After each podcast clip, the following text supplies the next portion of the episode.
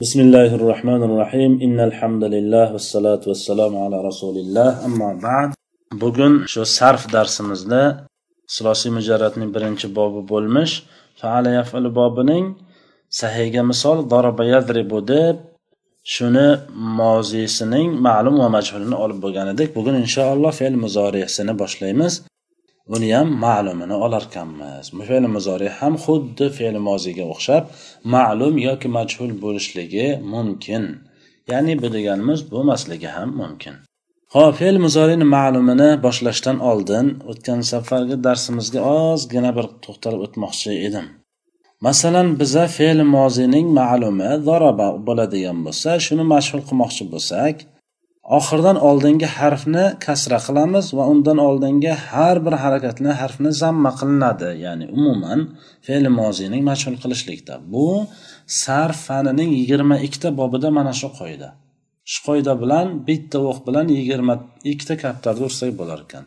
Demak oxirdan oldingi harfni dedik. Endi dorabani olsak mayli unda mushkul yo'q. Lekin yana boshqa misolni olib kelamiz. Masalan zarabani mashhul qil desa oxiridan oldingi harfni kasra qilamiz undan oldingi har bir harfni zamma qilamiz harakatli harfni. Zuriba bo'ladi deb javob berish oson. Lekin zarabnani mashhur qilingchi desa shunda ba'zi odamlar chalkashib qolishlari mumkin. Ya'ni oxirgi harfi nun deb o'ylaganlari uchun. Zarobnada mashhur qilmoqchi bo'lsak oxiridan oldingi harfni kasra qilamiz. Oxirgi harf qaysi desa nun emas be bo'ladi. Shuning uchun chalg'imaslik kerak.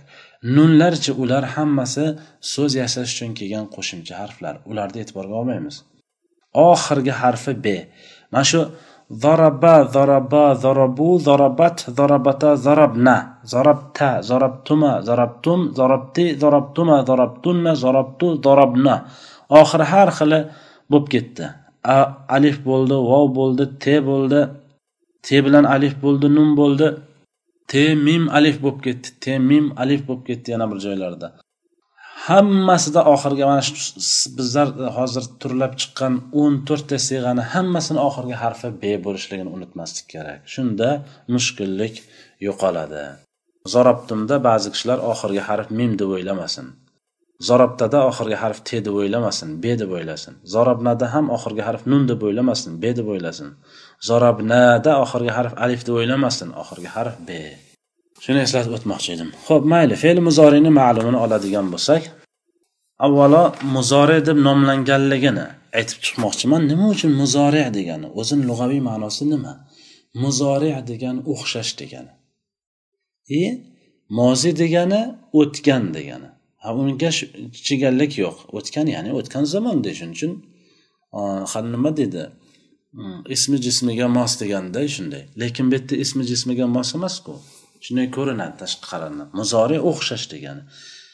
Kelasi zamon yoki hozirgi zamon degan ma'noni o'z ichiga olishligini hidi ham kelayotgani yo'q. Shundaymi? Ya'ni bu yerda shunday bo'lyaptiki o'xshash degan. Nima uchun unday deb ma'no berildi desa chunki bu ismga o'xshaydi. E mu'rablik jihatidan. Moziy fe'li doim mabniy bo'ladi. Amr fe'li ham xuddi shunga o'xshab mabniy bo'ladi. Bu muzori fe'li esa muzori deb sabab e, nomlanishiga sabab xuddi ismga o'xshab bu mu'rab bo'ladi. Ya'ni ism al asl fil asma annaha mu'raba degan qoida bor. Ismlardagi asl mu'rablik fe'llardagi aslchi fe'llardagi asl u mabniylik. Shuning uchun ham ismga mu'rabligi jihatidan o'xshaydi. Mabni emas muzori fe'li mu'rab ekanligi jihatdan o'xshaganligi uchun muzori nomlangan. Ish harakatni so'z aytilgan zamonda bajarilayotganligini yoki keyin bajarilishligini anglatgan kalimaga anglatgan fe'lga fe'li muzori deyiladi. Ya'ni ish harakatni so'z aytilgan zamonda bajarilyapti mana ovqat yeyapman deysizda o'sha ovqat yeyapman deganingizdan oldin bir qoshiq yeb olgan bo'lasiz aytgandan keyin ham yeyayotgan bo'lasiz. Yoki bo'lmasa og'zingizga ovqatni olib qo'yib og'ziz to'la non gapirayotgan bo'lishingiz mumkin. Masalan o'sha ya'ni so'z aytilayotgan zamonda bajarilyapti shu san aytyapsizu shu vaqtda bir yo'la bajarib ham ketyapsiz. San nima qilyapsan? Yugurib ketyapman desangiz o'sha vaqtda demak siz ham shu gapni aytyapsiz og'zingizdan chiqyapti. Shu vaqtni o'zida siz o'sha amalni ustidasiz. Bu bir. Ikkinchisi keyin bajarilishini aytadi hozir kelyapsanmi desa yo chiqaman endi deyish mumkin. Chiqaman hali chiqqanim yo'q. Ya'ni so'z aytilgandan keyin chiqaman deb aytding aytdingiz hali uydasiz. Keyin chiqasiz. Ya'ni so'z aytilayotgan vaqtda yoki so'z aytilgandan keyin. O'shani anglatgan so'zga fe'l muzori deyiladi. Manimcha tushunarli bo'ldi. Ho'p fe'li muzorini qayerdan olamiz desak fe'li muzorini fe'li mozini oldiga atayna. Harflardan birini qo'shish bilan muzori fe'l yasaladi. Atayna ya'ni alif te yo nun harflari. Buni atayna degani keldilar ko'p ayollar degani. Zarabnaga o'xshagan. Qiyoslaylik. Hali buni keyinroq kelasizlar. Atayna romayna bayana zarabna shunga o'xshagan. Lekin ataynani olinganligi bitta o'zbek tiliga yaqinroqda yanada esdan chiqmaydi sizlarga yaxshiroq bo'ladi. Ba'zi arablar ataynani o'rniga natini ham olib kelishadilar. Nati desa nati degan so'z o'zbek tilida yo'q. Lekin atayna qilyapsana degan so'z bor o'zbek tilida. Shuning uchun ataynani olishgan. Atayna bu yerda o'zbek tiliga o'xshagan atayna qilyapsana degan so'z emas lekin kelyaptilar ular ko'p ayollar degani o'zi. E, keldilar ular ko'p ayollar degani o'zi. Lekin bu yerda ataynadan murod ya'ni hop mozi fe'lni oldiga qaysi harflarni keltirishlik bilan hosil bo'lardi desa eslanmasdan temidi yomidi vomidi demasdan turib atayna deb olsangiz avval keyin bir bitta bitta hisoblab chiqasiz. Mana atayna dedim demak birinchisi alif ekan ikkinchisi t ekan uchinchisi yo ekan to'rtinchisi nun ekan to'rtta harf bor ekan deysiz keyin oxirida. Shu atayna harflardan birini qo'shish bilan muzori fe'li yasaladi. Zorabani oldiga yo zorabani oldiga yo alif olib kelasiz yo yo olib kelasiz yo te olib kelasiz yo nun olib kelasiz. O'shanda muzori hosil bo'ladi. Demak moziydan muzori chiqarib olinar ekan. Moziydan muzori chiqarib olinar. Agar moziy to'rt harfli bo'lsa unga qo'shilgan muzoriyat harflari zamma bilan o'qiladi. Mana shu alif te yo nun harflari borku muzoriat harflari deb nomlanadi. Eslan chiqarmaylik. Muzoriyat harflari nechta ekan desam to'rtta ekan deysiz qaysilar desam esingizga kelsa ataynani aytmasdan. Alif te yo nun deysiz. Bo'lmasa shu ataynani eslab qolishga harakat qiling. Ataynani eslab olsangiz keyin siz alif te yo nun ekanligini bilasiz. Bu alif te yo nun nima harflari? Bularni nomini muzoriyat harflari deyiladi.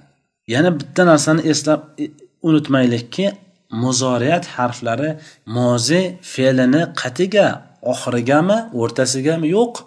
E'tibor beraylik. Oldiga oldiga qo'shiladi.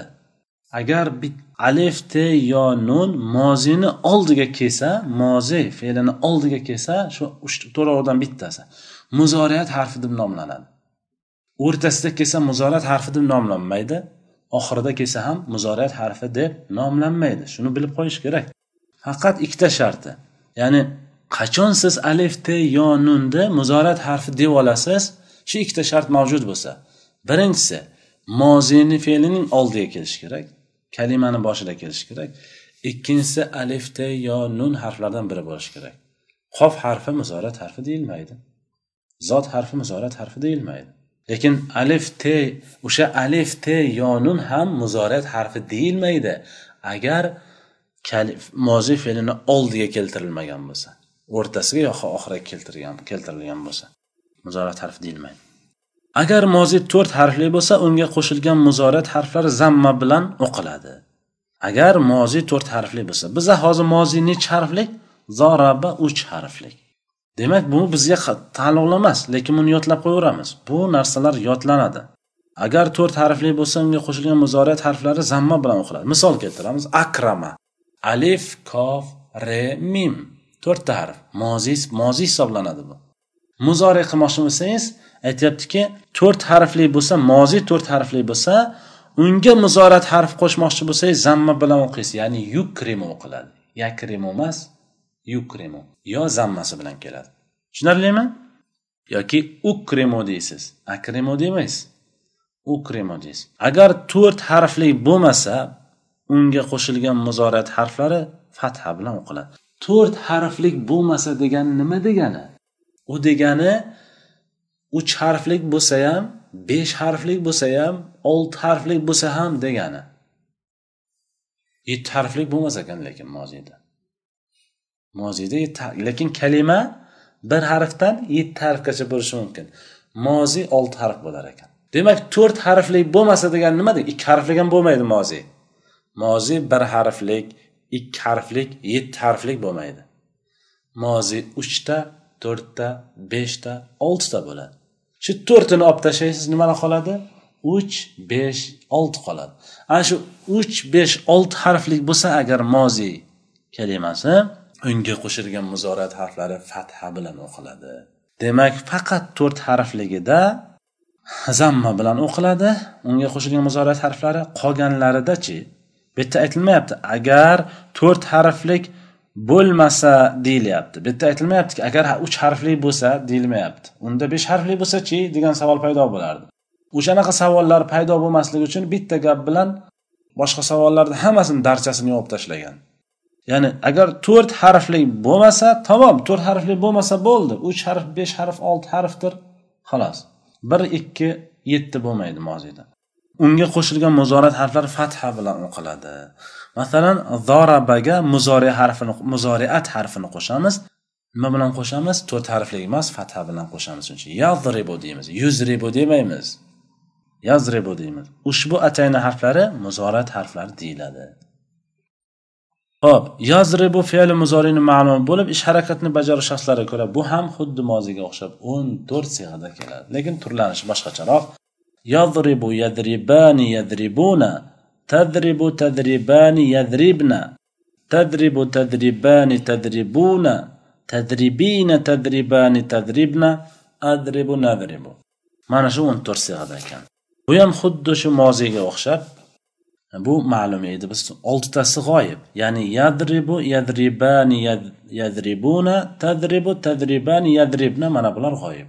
Endi oltita muxotab ya'ni ikkinchi shaxs tadribu tadribani tadribuna tadribina tadribani tadribna. Bular muxotab. Adribu nadribu bular hammasi ikkovi nima bo'ladi? Mutakallim bo'ladi. Ana endi tekshiramiz. Muzoriyat harflari shu to'rtta harf qo'shilgan. Birinchisi yazribu yazriban yazri uchovida ham yo qo'shilibdi. Tajribu tajribani yazribni uchov e, ikkitasida t yazribnada yo qo'shilibdi. Biza qayerdan nima uchun yo t boshqasiga qaramayapmiz yo t e, kelibdi deb aytyapmiz chunki kalimani boshidagi harf muzoriyat harfi deb nomlanadi. Mana tazribu tajribani tajribuni tajribani tajribani hammasida te kelibdi muxotabda. Azribu nazribudachi e, hamza kelibdi nun kelibdi ana tekshirsangiz hammasini o'sha o'n to'rtta siyg'ani boshidagi harflarda yo yo bo'ladi yo te bo'ladi yo alif nun bo'ladi yo alif bo'ladi yoki nun bo'ladi. Undan boshqa narsa bo'lmaydi. Muzore muzore deganda yo yo bilan boshlanishi kerak yoki te bilan boshlanishi kerak yoki alif bilan boshlanishi kerak yoki nun bilan boshlanishi kerak. Muzori hech qachon se bilan boshlanmaydi. Muzori hech qachon qof bilan boshlanmaydi. O'sha yigirma sakkizta harfdan birortasi bilan boshlanmaydi. Faqat yoki yo yoki t yoki alif yoki nun bilan boshlanadi. Nun bilan boshlanishi doim mutakallimni jami nun bilan boshlanadi. Mutakallimni mufradi doim alif bilan boshlanadi. Boshqa joy hech vaqt muzoriyada alif bilan nun bilan boshlanmaydi. Ha endi muxotab bilan g'oyib faqat yo bilan te bilan boshlanadi. Mumkinmi muxotab yoki g'oyib nun bilan boshlanishligi yo'q. Mumkinmi g'oyib yoki muxotab? T bilan e, alif bilan boshlanishligi yo'q mumkin emas. Endi savol. Mutakallim yo bilan boshlanishi mumkinmi? U ham mumkin emas. Mutakallim t bilan boshlanishi mumkinmi? Yo'q u ham mumkin emas. Mutakallim faqat alif bilan yoki nun bilan boshlanadi. Hamza bilan boshlanadi. Endi bularni ma'nosini aytsak yadribu yadriban yadribuna tazribu tazriban yazribna deydigan bo'lsak bularni uchovini ma'nosi uradi yoki uryapti bo'ladi. Yazriba bo'lsa uradi yoki uryapti bir kishi yadribani uradi yoki uryapti ikki kishilar yazribuna uradi yoki uryaptilar ular ko'p kishilar. Tazribu uradi yoki uryapti bir ayol tajribani uradi yoki uryapti ikkita ayol yazribna uradi yoki uryaptilar ko'p ayollar. Yana tajriba kelibdi muxotabga o'tadigan bo'lsak tajriba urasan yoki uryapsan bir kishi tajribani urasan yoki uryapsan ikki kishilar tajribuna. Urasan urasizlar yoki uryapsizlar ko'p kishilar. Tajribina. Urasan yoki uryapsan. Bir ayol tajribani. Ura urasizlar yoki uryapsizlar. Ikkita ayollar tajribna. Urasizlar yoki urayapsizlar sizlar ko'p ayollar. Azribu uraman yoki uryapman. Man bir kishi yoki bir ayol. Nazrimi uramiz yoki uryapmiz bir kishilar e, biza ko'p kishilar yoki ko'p ayollar. Ya'ni mutakallimda muzakkar muannasligini farqi yo'q. Ana endi bitta savol e, e, yana bitta gap. Tazribinada nechta muzoriyat harfi ishtirok etgan desa muzoriyat bitta misol ya'ni. Muzoriyat harflari biz aytdik yo te alif nun atayna. Ana te bor ekan. Nechta muzoriyat harfi ishtirok etibdi? Te yo nun. Uchta ishtirok etibdi. Shundaymi? Noto'g'ri. Nima uchun? Ikkita sharti mavjud emas. E bitta sharti mavjud emas. To'g'ri. Alif te yo nun muzoriyat harfi deyiladi. Qachonki kalimani boshida kelsa. Demak tajribinada te muzoriyat harfi yo bilan nun agarchi o'sha muzoriyat harflaridan e, ikkitasi yo va nun bo'lishligiga qaramasdan bu yerda muzoriyat harfi emas chunki kalimani boshida kelgan emas. Biz aytdik kalimani boshida kelsagina alif t yo nunni muzorat harfi deb nomlashimiz mumkin. Subhanakallohumma bihamdik. Ashhadu an la ilaha illa anta astag'firuka va atubu ilayk. Assalomu alaykum va rahmatulloh.